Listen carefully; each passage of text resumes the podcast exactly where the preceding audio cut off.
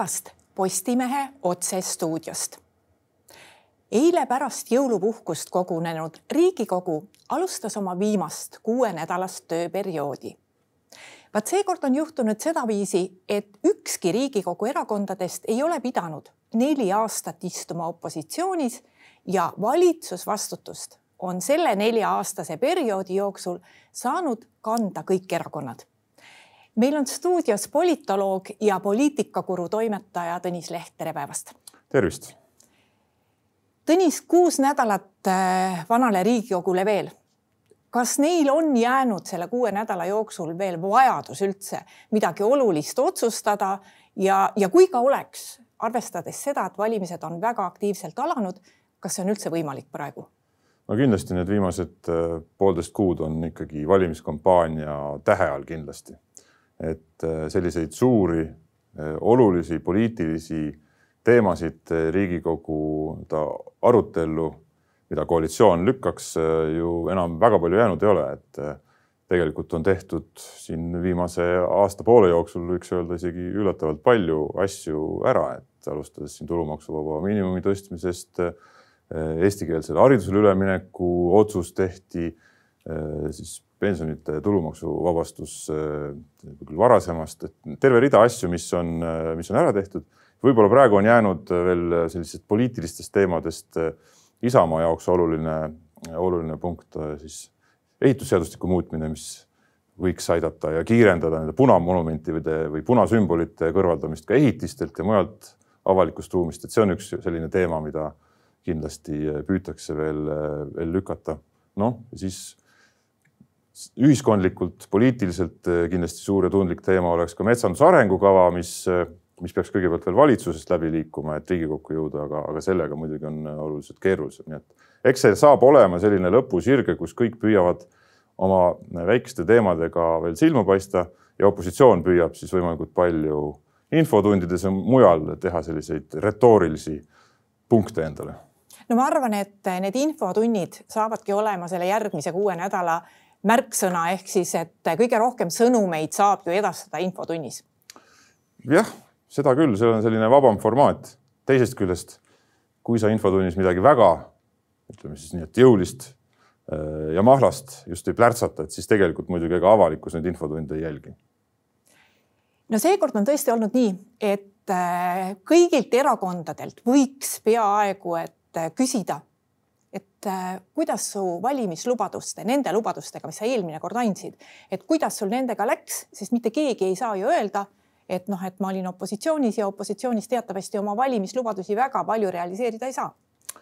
no kindlasti, eks siin on juba palju räägitud sellest, et, äh, et Isamaa on suutnud äh, võib-olla oma märgilisi lubadusi noh, kõige rohkem täita alustades teise samba pensionireformist, edasi siis nüüd äh, ka viimase valitsuse ajal vormistatud perehüvitiste suur muudatus,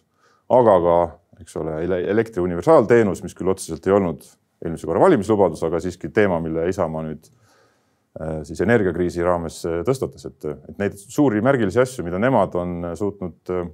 realiseerida, on jah, kõige rohkem. Omaette küsimus on, et kui palju see on nende siis toetusbaasi kasvatanud. no Isamaa seesama võimekus oma valimislubadusi realiseerida, no see on, ongi üldiselt tähelepanu äratanud. Isamaa on käinud juba ka uue valimistsükli lubadused välja ja nad alustasid mõneti üllatavalt. et eh, nad alustasid eile keele teemal ja noh, see on mõne, see on ju arusaadav, sest et eh, nende minister oli see, kelle eestvedamisel see väga kiire eestikeelsele haridusele ülemineku programm on ju vastu võetud. Nüüd teine asi on see, et võrreldes nende kõigi valimislubadustega, äh, mis sai eelpool mainitud ja mis äh, jõulise käitumise korral on võimalik koalitsioonis läbi suruda, siis äh, kui suur on oht, et nad selle eesti keele teema põhitähelepanu alla tõstmisega natuke lõikavad endale sõrme, sest selle läbisurumine või läbiviimine on tegelikult hästi raske, eriti sellise väga kiire tsükli puhul, et noh, kui sulle ikkagi kõrgkool neid õpetajaid ette ei valmista, siis sa võid ju seal jalgu trampida seal koalitsioonipartnerite ees, aga siis ei ole midagi teha, et see on ühest küljest oleks hea, kui see saaks täidetud, aga see tundub, et on hästi keeruline valimislubadus. no eestikeelsele haridusele üleminek on kindlasti üks väga suur ja keeruline protsess, kahtlemata, aga siin ei ole muidugi Isamaa üksi, et nad on võib-olla seda kõige rohkem püüdnud enda teemana käsitleda, aga ju selgelt seda on toetanud ka Reformierakond. koalitsioonis on sellega kaasas olnud ikkagi ka sotsid. noh, teatud mööndustega ju ka EKRE, et, et tegelikult see on ikkagi laiem konsensus ühiskonnas, et, et siin võib-olla ei hakata näpuga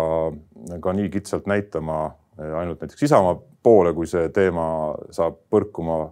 karidele, mida ta kindlasti saab järgnevatel aastatel, et me ei tea ka, kes haridusministri portfelli hakkab nagu kandma, et see on selline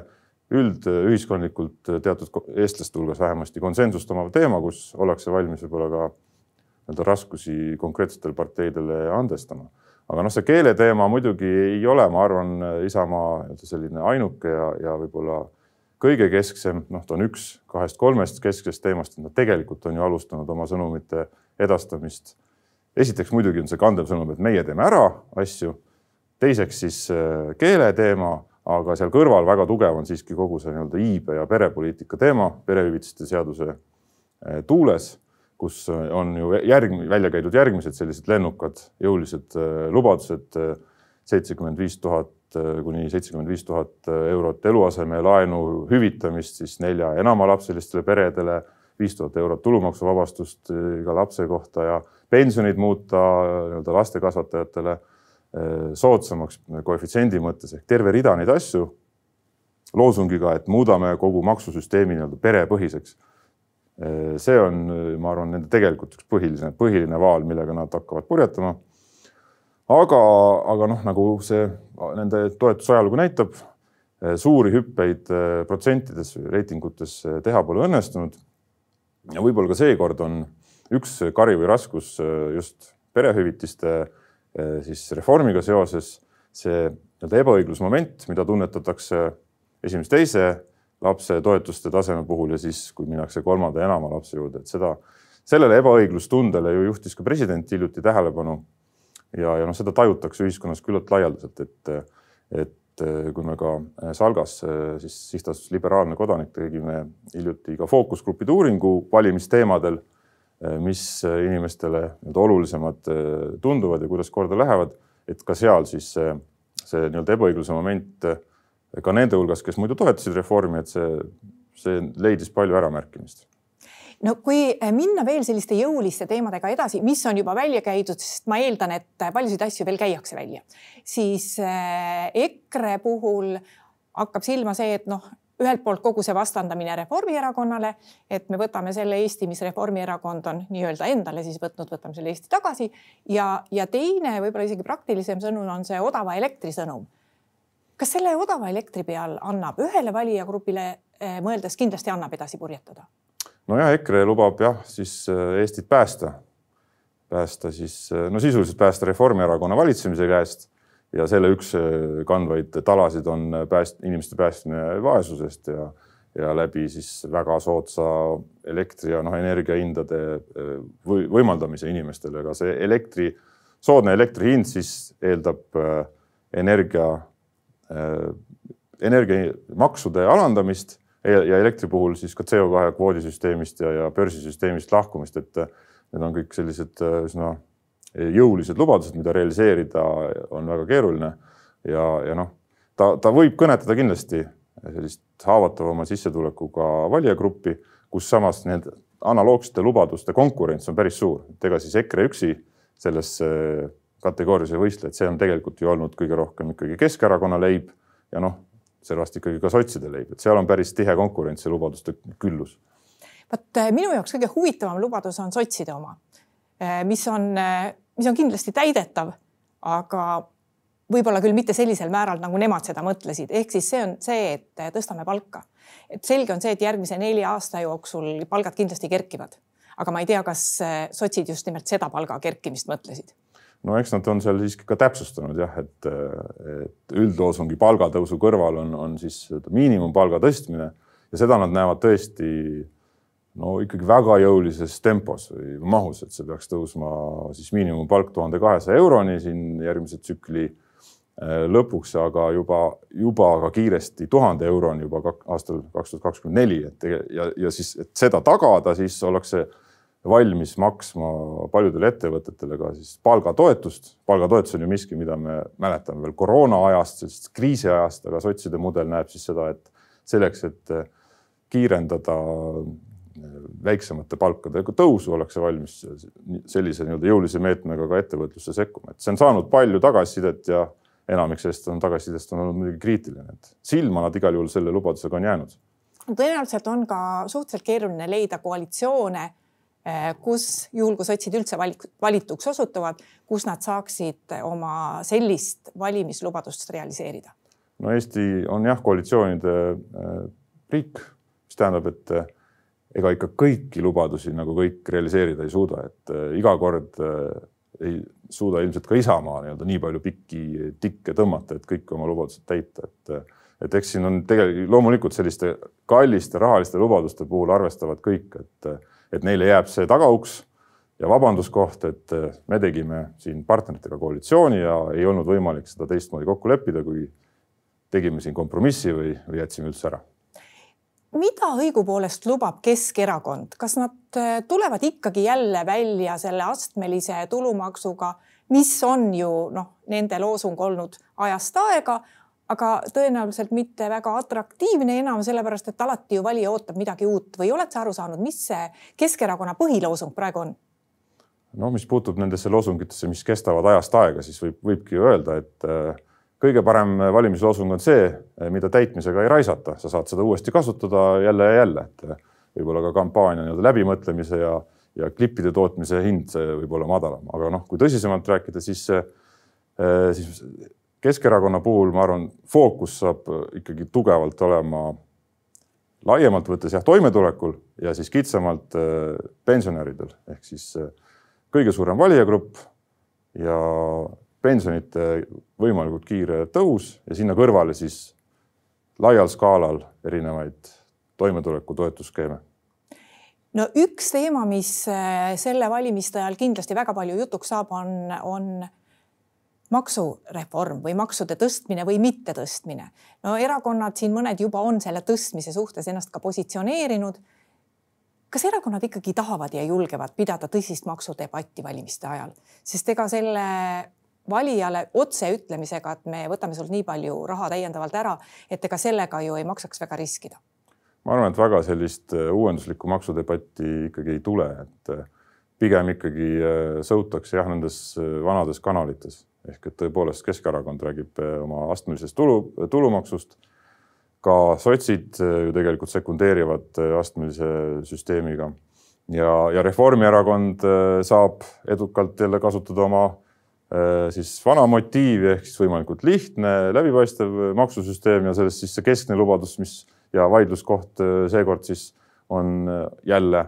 siis tulu, üksikisiku tulumaksusüsteemi lihtsustamine ja maksuküüru kaotamine.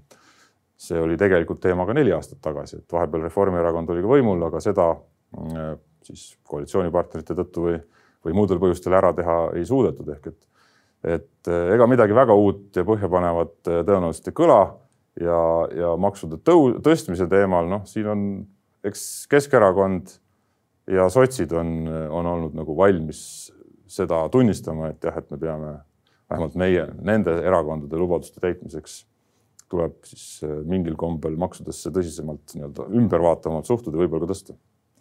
Reformierakonna põhisõnum on kindlasti seotud Äh, riigikaitse ja kogu selle julgeoleku olukorraga. Neil on seda teemat väga hea kasutada ja noh, tõenäoliselt nende äh, valimisedu ka praegu enam miski ei murra, sellepärast et nende toetusprotsent on ikkagi stabiilselt viimane aasta peaaegu olnud üsna kõrge ja just tänu Ukraina sõja temaatikale.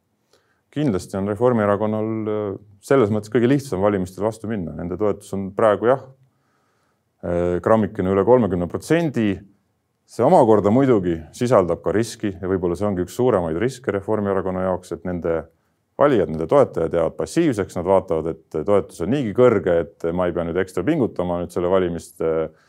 toimingu tegemisega, et võit tuleb niikuinii.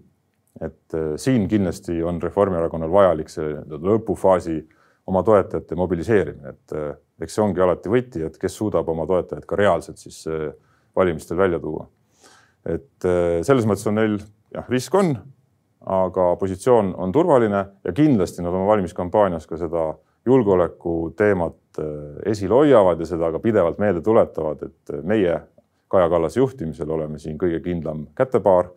ja, ja, ja see, see meeldetuletus, ma arvan, ka töötab Reformierakonna toetajate hulgas väga hästi. Millised võiksid olla uute tulijate võimalused, ehk siis ega Eesti kahesajal väga selget ühist mõtet ju praegu välja ei ole öeldud, on ikka seesama pikk plaan, aga, aga sellist konkreetset asja ei ole. ja noh, ma ei tea, kas sellest hoidumine on tark või rumal tegu. no ma ei ole ka veel märganud sellist terviklikku valimisplatvormi. küllap töö sellega käib, nii nagu ka sotsidel, et ja võib-olla mõnel erakonnal veel, kus käib siis ütleme nende põhisõnumite võib-olla valimine, võib-olla mõnel juhul ka käib alles ka veel väljamõtlemine. aga, aga Eesti kahesaja jah, noh, nägu on selles mõttes ikkagi ju endine, et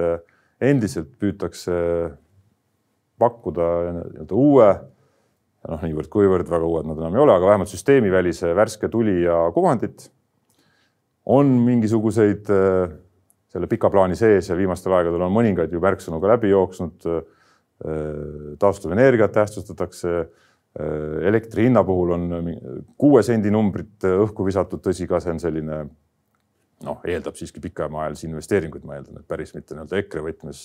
lubadus see ei ole, siis ka kaitsepoliitikas on kuuest protsendist räägitud kaitsekuludele, sealhulgas küll pool siis sellisele laiemale äh, ühiskonna või laiapindsele riigikaitsele. Et selliseid märksõnu on kostnud ja üks selline huvitav äh, uus motiiv, mille siis erakonna juht Lauri Hussar hiljuti on esile toonud, on siis äh, Eesti kahesaja selline roll tulevastes koalitsioonides ehk siis nähakse ennast eeskätt kui kõige loogilisem ja mõistlikum ja hädatarvilik äh, partner Reformierakonnale. ehk siis Reformierakond tõenäoliselt jah, need valimised võidab, aga kui on, valijad soovivad, et liberaalsemalt mõtlevad erakonnad koalitsiooni moodustaks, siis Reformierakond seda ju ilma teiste partneriteta ikkagi teha ei saa. Eesti kakssada võiks siis olla seal see põhiline, kes äh, mõistlikke ideid siis aitab ellu, ellu viia, et see on olnud nagu viimase aja uus sõnum.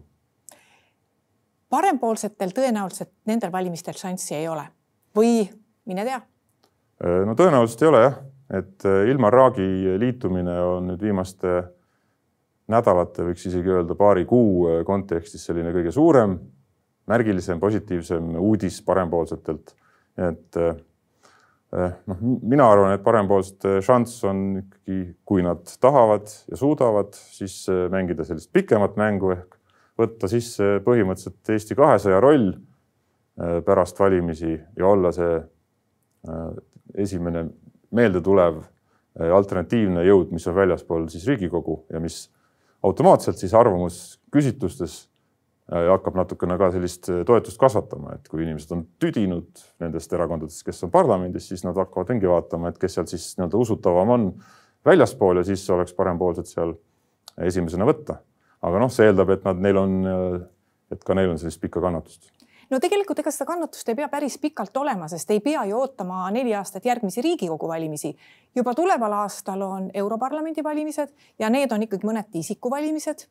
ja, ja sealt edasi ei lähe ju enam palju aega, kui jälle on kohalike omavalitsuste valimised, nii et tegelikult ei tähendaks see parempoolsetele sugugi mitte lihtsalt neli aastat noh, olla parlamendiväline erakond, vaid tegelikult esile kerkimise võimalusi ju on. no kindlasti jah, et siin Eesti kakssada selli sarnast ju äh, mudelit äh, järgis, et selles mõttes need vahepealsed valimised on kindlasti uutele tulijatele äh, hea moodus, et ennast koos hoida, ennast motiveerida, endale toetajaid leida ja siis ka nähtavust saada, et kuskil sellises kontsentreeritud kohas teha hea tulemus, mis jätab mulje, et näete, siit võib midagi tulla